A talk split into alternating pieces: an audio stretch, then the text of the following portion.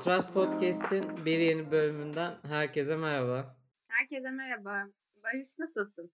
İyiyim Gökçe. Böyle çok güzel yorumlar aldık ilk iki bölümümüzle ilgili. Onlar bizi mutlu etti biraz. Biz daha böyle kendi içimizde kişisel proje olarak düşünüyorduk ama insanların da bunu sevdiklerini öğrenmek tabii mutluluk verici. Senin de aldığın bir sürü feedback var. Zaten sosyal medya hesaplarımızda da çok güzel şeyler yapıyorsun. Yaratıcı ajans gibi çalışıyoruz biraz orada. Sen neler düşünüyorsun? Ya beklediğimizden güzel gidiyor. Biz sadece işte arkadaşlarımızla beraber izleriz, dinleriz diye düşünmüştük ama baktığımızda istediğimizden çok daha iyi rakamlara ulaştık. Tabii böyle bir hedefimiz de yoktu. Tamamen böyle hobi amaçlı çekiyoruz. Hala öyle. Ama tabii böyle geri dönüşü almakta hoşumuza gidiyor açıkçası. Arada bir gerçekten böyle bir anda aklıma kontrast için bir sürü fikir geliyor. Hemen sana yazıyorum. Hepsini fikir bombardımanı. Böyle kontrast için gerçekten bir şeyler yapmak eğlenceli geliyor. Hiç iş gibi hissetmiyorum. Aynı zamanda podcast sayesinde kendimi böyle daha da özgür ve insanlar ne düşünür ne der diye hiç bu sefer umursamadığımı fark ettim. daha da rahatladım. Böyle özgüven açısından daha da bunu arttırdığını düşünüyorum. Bence bize çok iyi bir etkisi oldu. Bence de yani katılıyorum. Ben de yani şey demiştim sana ben 27 yıldır üretilen tek içerik doğumum. Hani onun haricinde başka bir içerik yok. Benim kendi görüşlerimi aktardığım bir platform arkadaşlarım haricinde yok. Ve biraz da detaycı olduğum için benim için çok kolay bir süreç olmuyor bir şey üretme süreci. Ama podcast sayesinde ben de bir şeyleri daha hızlı bir şekilde üretebileceğimi, en iyi haline getirmeden de paylaşıp görüşler alabileceğimi kendi içimde ikna oldum biraz daha. Zor bir şeydi benim için. Yorumlar da çok güzel. Yani ben bu kadar beklemiyordum ilgiyi. Aslında hiç şey de yoktu. Okey 20 kişi dinlese bizim için yeterdi falan biraz da. Ama onlar da mutluluk verici.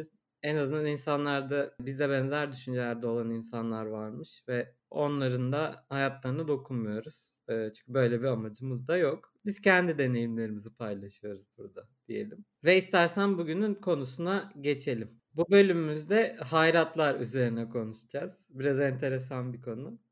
Aslında hayrattan kastımız insanların geleceğe bir şey bırakma isteği ve bu konudaki amaçları, hedefleri, bunun üstüne çok uğraşmaları ve düşünmeleri. Gökçe sence neden insanlar geleceğe bir şey bırakmak istiyorlar hayatlarında? İnsanlar e, sosyal bir varlık ve ömrü boyunca, yaşam boyunca dünyaya büyük bir etki bırakmak istiyorlar. Ya da öldükten sonra insanların onları hatırlamasını istiyorlar. Tarihe kayıtlı olmak yoluyla da olabilir bu. Toplum tarafından tanınır olmak yoluyla da olabilir bu. Farklı çeşitlerle de insanlar geleceğe bir şeyler bırakabilirler. Bu bir yaptıkları kariyerleri boyunca iş olabilir veya bir icat olabilir. Yayınladıkları bir kitap, şiir e, ya da bir çizim olabilir. Böyle de geleceğe bir şey bırakabilirler. Ama e, günümüzde en çok karşılaştığımız geleceğe bir şey bırakma durumu e, ise bir çocuk yoluyla bırakma. İnsanlar aslında soylarını sürdürmek ve kendilerinden bir parça bırakmak için çocuk yapıyorlar. En sıklıkla karşımıza çıkan e, çeşidi bu aslında. Belki daha basite de indirgeyebiliriz bunu.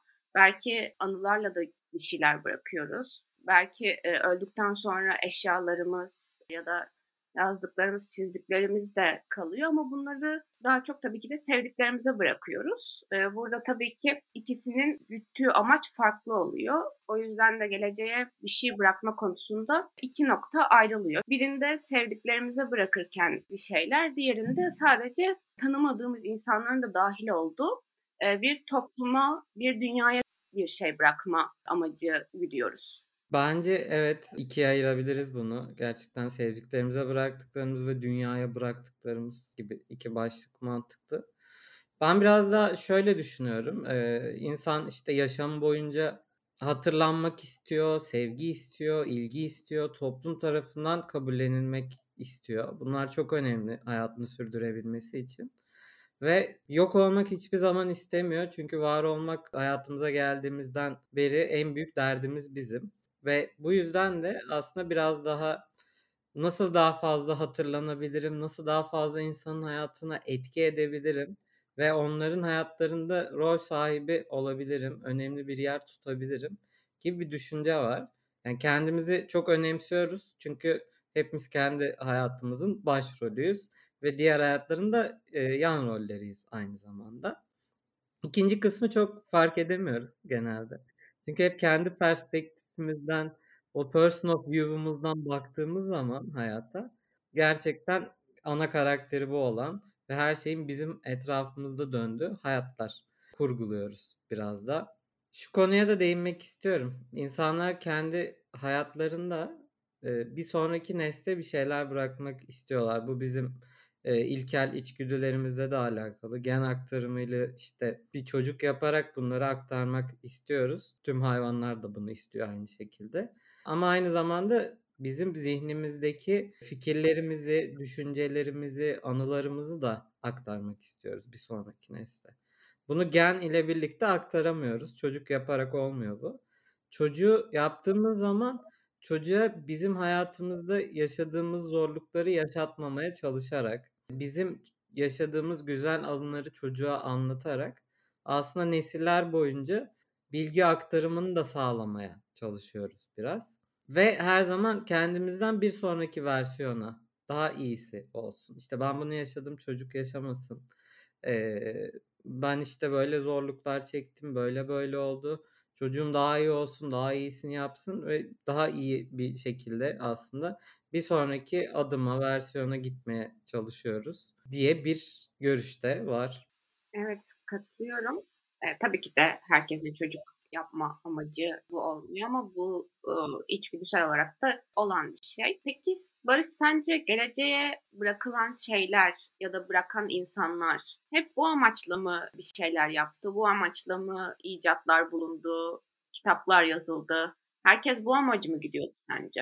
Ben herkesin bu yüzden bıraktığını düşünmüyorum. Çoğu insanın "A, gelecekte hatırlanayım da, işte, şu an değerim bilinmiyor, ileride bir değere binerim, insanlar yazdığım şeyleri, fikirlerimi, ortaya koyduğum eserleri anlar." gibi bir amacı yok. Sefalet içinde yaşayan bir sürü ressam var, şair var, yazar var tarihte. Yani anlaşıldıkları zaman onlara değer katan bir şey olmuyor bu günün sonunda. Biz onların, eee, ürettikleri şeylerin kıymetini anlıyoruz ama isimden ziyade bu farklı bir şey de olabilirdi üretilen şey. Üreten insana herhangi bir değer katmıyor sonradan hatırlanması, tarihte bir yer edinmesi. İnsanın ölümsüzlük isteğine biraz girebiliriz burada. Çünkü insanlar zihinsel olarak ölümsüz gibi hisseden ama fiziksel olarak bir bedene bağlı yaşayan varlıklar ve belli ömürleri, süreleri var ve zihin tarafındaki, düşünceleri, fikirleri, anılarını aktarmak istiyorlar. Ölümsüz olamadıkları için de aslında teorik olarak şu an en azından bunları aktarmanın yolunu farklı yöntemlerle yapabileceklerini düşünüyorlar. Okay, beni isim olarak hatırlasınlar. Bundan 300 yıl sonra doğacak çocuk da benim yaptığım eseri görsün ve ben yokum ama yine benim oradaki illüzyonum bununla gurur duysun ve, eee, böbürleneyim, benim egom daha fazla tatmin olsun. Buradan da ego ve id kavramları, biraz da süperego kavramlarına da girebiliriz. Bunlarla da birebir bağlantılı bence Gökçe. Gerçekten geleceğe bir şey bırakma isteğinin temeline indiğimizde bence bu ölümsüzlük isteği yüzünden geliyor. Kendimizin bir parçası hala hayatta kalsın, eee, eserlerimiz hayatta kalsın, yaptığımız işler bizi ölümsüz yapsın istiyoruz.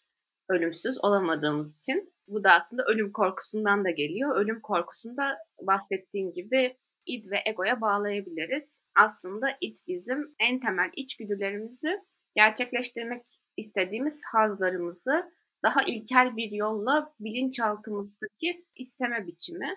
Ego da biraz daha bunu e, dengeleyen, yaşamımızla bu hazlarımızın orta noktasını bulmaya çalışan bir araç. Ölümsüz olma isteği de aslında içgüdüsel bir şey olduğu için insanlar dinleri çıkarmışlar. Bu yüzden aslında ölümden sonra hayatın var olduğuna kendilerini inandırmak istemişler. Çünkü e, böylelikle ölümsüz olabileceğini düşünmüşler. Bunun farklı çeşitleri de var. Örneğin Mısır piramitleri. Sence Mısır piramitlerinin yapılma amacı ne olabilir Barış? Yani özellikle tarih boyunca gördüğümüz güçlü figürlerin, özellikle imparatorlar, hükümdarlar, krallar, bunlar hep bir şeyler inşa etmek istemişler. Büyük, görkemli çünkü kendilerini hayatta böyle konumlandırmak, insanların üstünde bir gölge gibi dolaşmak ve korku salmak ve ihtişamlarıyla insanları etkilemek istemişler. Ve bunu sadece kendi nesillerinde oldukları, yaşadıkları hayatta değil, sonraki gelecek nesillerin de bu kendi ihtişamlarını ve görkemlerini görmelerini istemişler. Bu yüzden piramitlerde de bunu çok bariz bir şekilde görebiliriz. Çalışan binlerce köle, orada oluşturulan o otoriter düzen, büyük hiyerarşi, ulaşılamazlık bunların hepsi çok bariz belli oluyor. Eee, günümüzde yapılan eserlerde de yakın tarihte de yine aynı şeye rastlayabiliyoruz. Çünkü bir güç gösterisi var ortada ve bu gü güç gösterisini insanların zihninde en iyi tezahür ettirecek şey büyük olan yapılar, ihtişamlı şeyler. Biraz bununla alakalı diye düşünüyorum. Evet, hem bununla alakalı aslında hem de, eee, çok fazla, işte, kral mezarları duyuyoruz. Piramitlerin içinde bulunan mezarlar ve tabutların üstünde bırakılan aslında değerli eşyaları görüyoruz. Onlar da aslında ölen kişiyi anarak hâlâ yaşatmaya ve ölümden sonra da hatırlanmasını sağlıyorlar böylelikle. Ölümsüz olma yöntemleri aslında piramitler yapmak ve öldükten sonra yaşama inanan bazı toplumlar da geçmişte incelediğimizde ölümden sonra kullanabilmeleri için, eee, mezarlarının başına eşyalar, eee, ve çeşitli, eee, şeyler bıraktığını görüyoruz. Bu da tabii ki de ölümsüz olma isteği üzerine geliyor. Türk toplumunda da var aslında bu. Eski Türk mezarları açıldığı zaman da, işte, atıyla birlikte gömülür, kılıçları olur vs. Ben burada, eee, yine eski bir hükümdardan, bir imparatordan bir alıntı yapmak istiyorum. Marcus Aurelius sanırım böyle 80 ve 160 yılları arasında yaşamış bir, eee, Roma imparatoru kendisi. Meditations adında Kendime Düşünceler diye Türkçeye çevrilmiş bir kitabı var. Bu kitapta şöyle bir şeyden bahsediyor. Bu alıntıyı köşeye not almıştım. Onu size paylaşayım. Şimdiki zamana kendini vermeye çalış. Öldükten sonra gelecek ünün peşinde olanlar, kendilerinden sonra geleceklerin de şimdikilerle aynı şeyleri yapacaklarını, onların da şimdikiler kadar can sıkıcı olacağını, onların da ölümlü olduklarını düşünmezler. Onların seslerinin senin hakkında öyle ya da böyle yankılanmasının senin hakkında hangi kanıya vardıklarının ne önemi var ki? Yani aradan geçen 100 yıl sayısı 18-19 falan, eee, ama bu konu o kadar değişmemiş ve aynı ki. Hep sonraki nesle bir şeyler bırakmak derdi her zaman varmış ve toplum tarafındaki sorunlar, düşünceler yüzyıllar geçmesine rağmen aynıymış. Bu bana çok enteresan geliyor. Çünkü insan modernleşiyor, insan bireyselleşiyor, teknoloji çok ilerliyor. Çok farklı bir noktaya gidiyoruz ama düşüncesel olarak aynı noktada kaldığımız çok yer var. Hâlâ içimizden atamadığımız o mağaralarda yaşayan topluluk kültürünün alışkanlıkları hayatımıza tezahür ediyor bir yandan da. Aynen öyle. Eee, bu yüzden de aslında insanlar hayratlar yapıyorlar. X hayratı, Y hayratı diye karşımıza çıkıyor. Hayratın kelime anlamı aslında sevap işlemek için yapılan iyilikler, iyi işler olarak çevrilebilir. Çok fazla hayratla karşılaşmışsınızdır hayatınız boyunca, duymuşsunuzdur. Biz de bu konuyu düşünürken bir anda çıkan hayrat bir şey başlığı altında, yani siz hayrat mısınız da geleceğe bir şey bırakmak istiyorsunuz ya da nedir bu geleceğe bir şey bırakma isteğine olan şaşkınlığımız doğrultusunda çıkan bir başlık oldu. Bu bizim çok şaşırdığımız bir durum.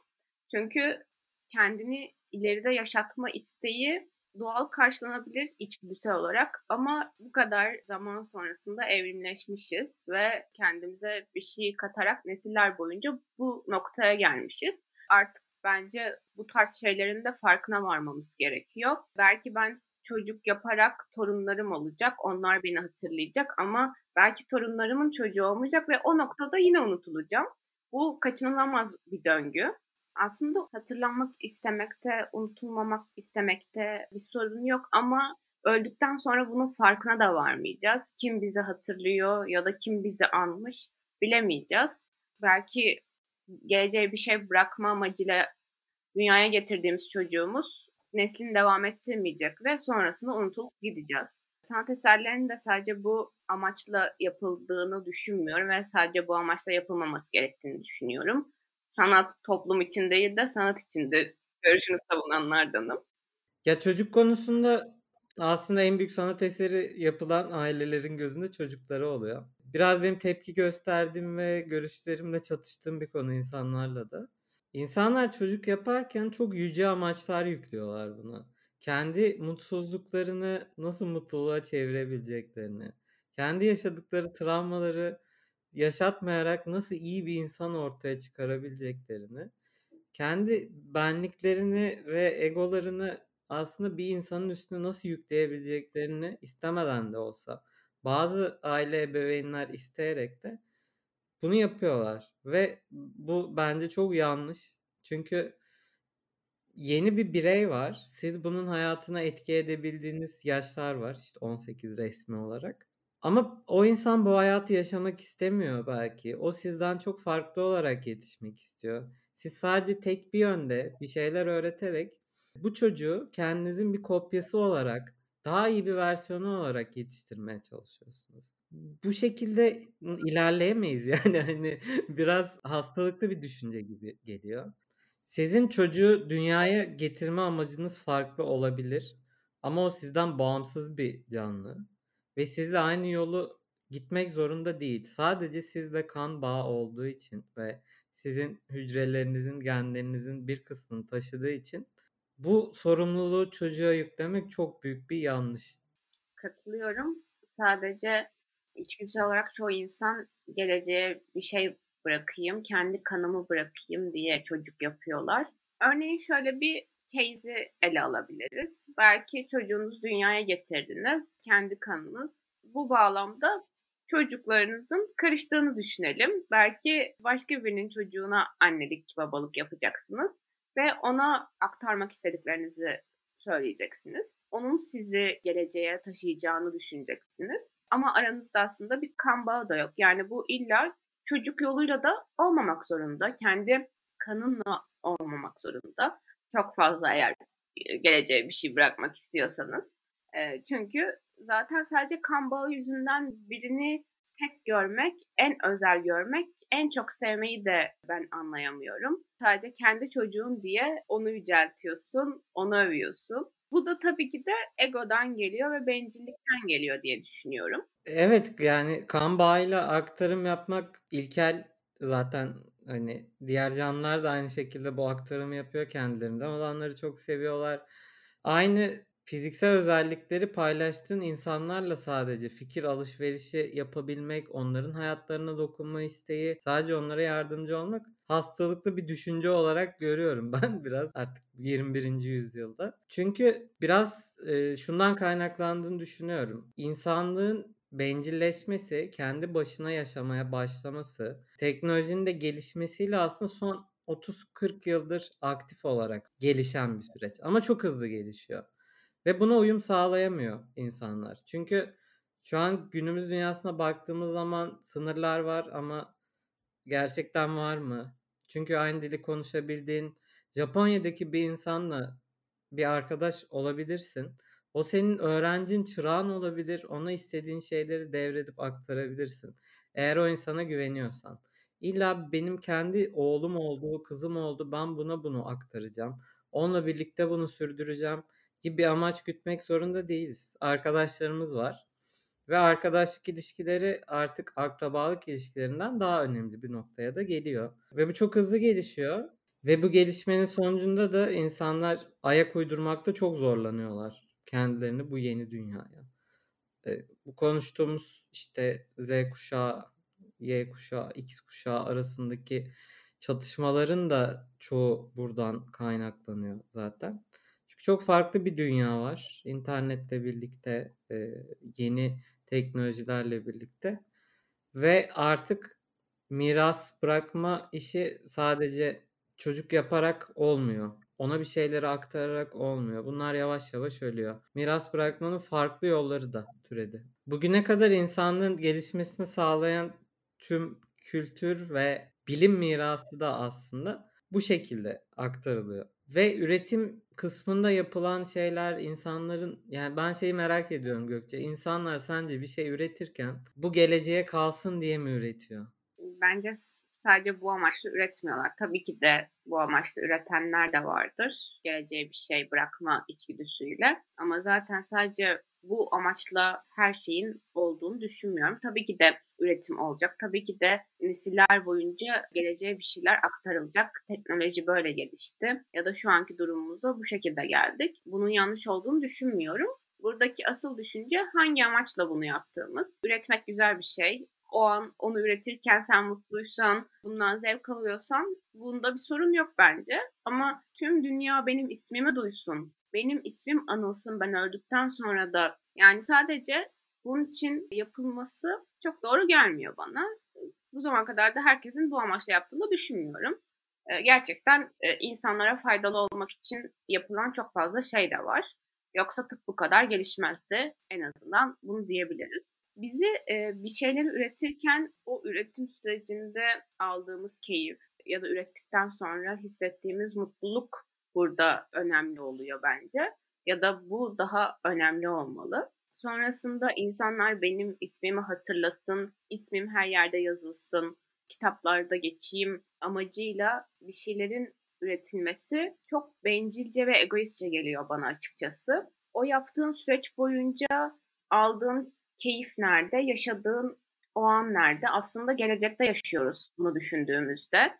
Gelecekte yaşadığımız için anı yaşayamıyoruz. Hala geleceğin peşindeyiz. Gelecekte insanlar beni hatırlasın derdindeyiz. Bu da bize yine zor bir hayatı, belki de kendimizi baskıladığımız, zorladığımız, keyif almadığımız bir hayatı ortaya çıkarıyor.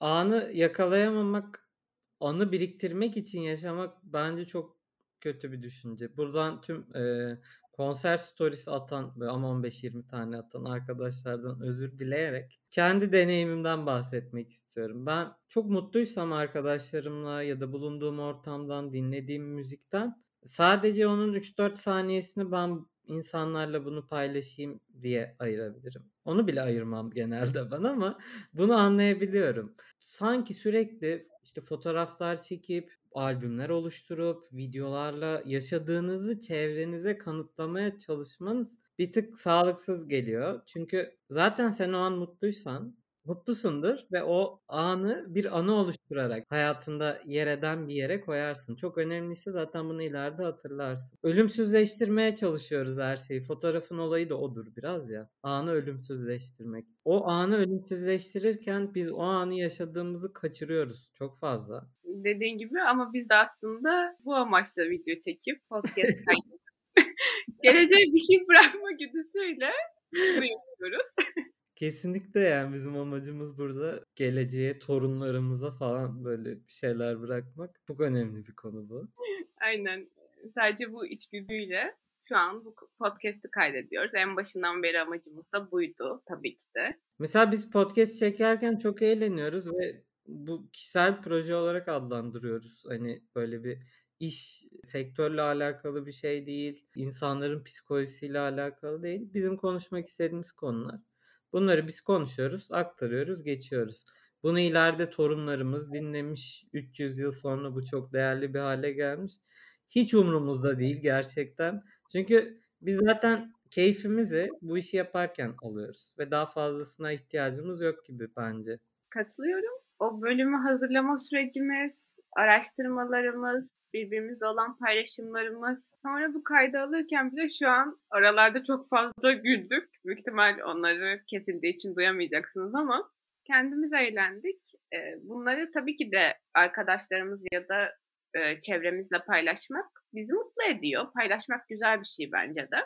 Ama hiçbir zaman amacımız geleceğe bir şey bırakmak güdüsüyle olmuyor. Bunu sadece podcast'imizle de sınırlandırmayabiliriz. Diğer yaptığım işler ya da yapacağım işlerde de hiçbir zaman geleceğe bir şey bırakma güdüsüyle eee, yapacağımı düşünmüyorum. Ya, bizim kendi aramızda da aslında podcast yapmaya karar verirken arkadaşlarımızla konuşurken aklımıza takılan bir konuydu. Sizlerle de paylaşmak istedik. Sizin düşüncelerinizi de merak ediyoruz. Sizin bırakmak istediğiniz büyük şeyler var mı geleceğe? Yoksa siz de biraz daha bizim gibi olduğunuz zamanı yakalamanın, olduğunuz zamandan keyif almanın daha önemli mi olduğunu düşünüyorsunuz? Bizlerle paylaşırsanız yorumlarda çok seviniriz. Evet, hayrat bir şey bölümümüzün sonuna geldik. Bu kanalda sıkça böyle kelime esprileri, çeşitli kelime oyunları, yeni uydurulmuş kelimelere rastlayabilirsiniz. Önceden uyaralım. Özellikle çok fazla benden duyabilirsiniz bunu. Bizi e, YouTube, Spotify, Apple Podcast üzerinden dinleyip takip edip açıklamalarda bulunan sosyal medya hesaplarımızdan da takip edebilirsiniz. Aynı zamanda bültenimize abone olarak yeni bölümlerimizden de haberdar olabilirsiniz. Bizi dinlediğiniz için çok teşekkür ederiz. Umarım keyifli bir sohbet olmuştur. Fikirlerinizi, yorumlarınızı bekliyoruz. Hoşçakalın. Hoşça kalın.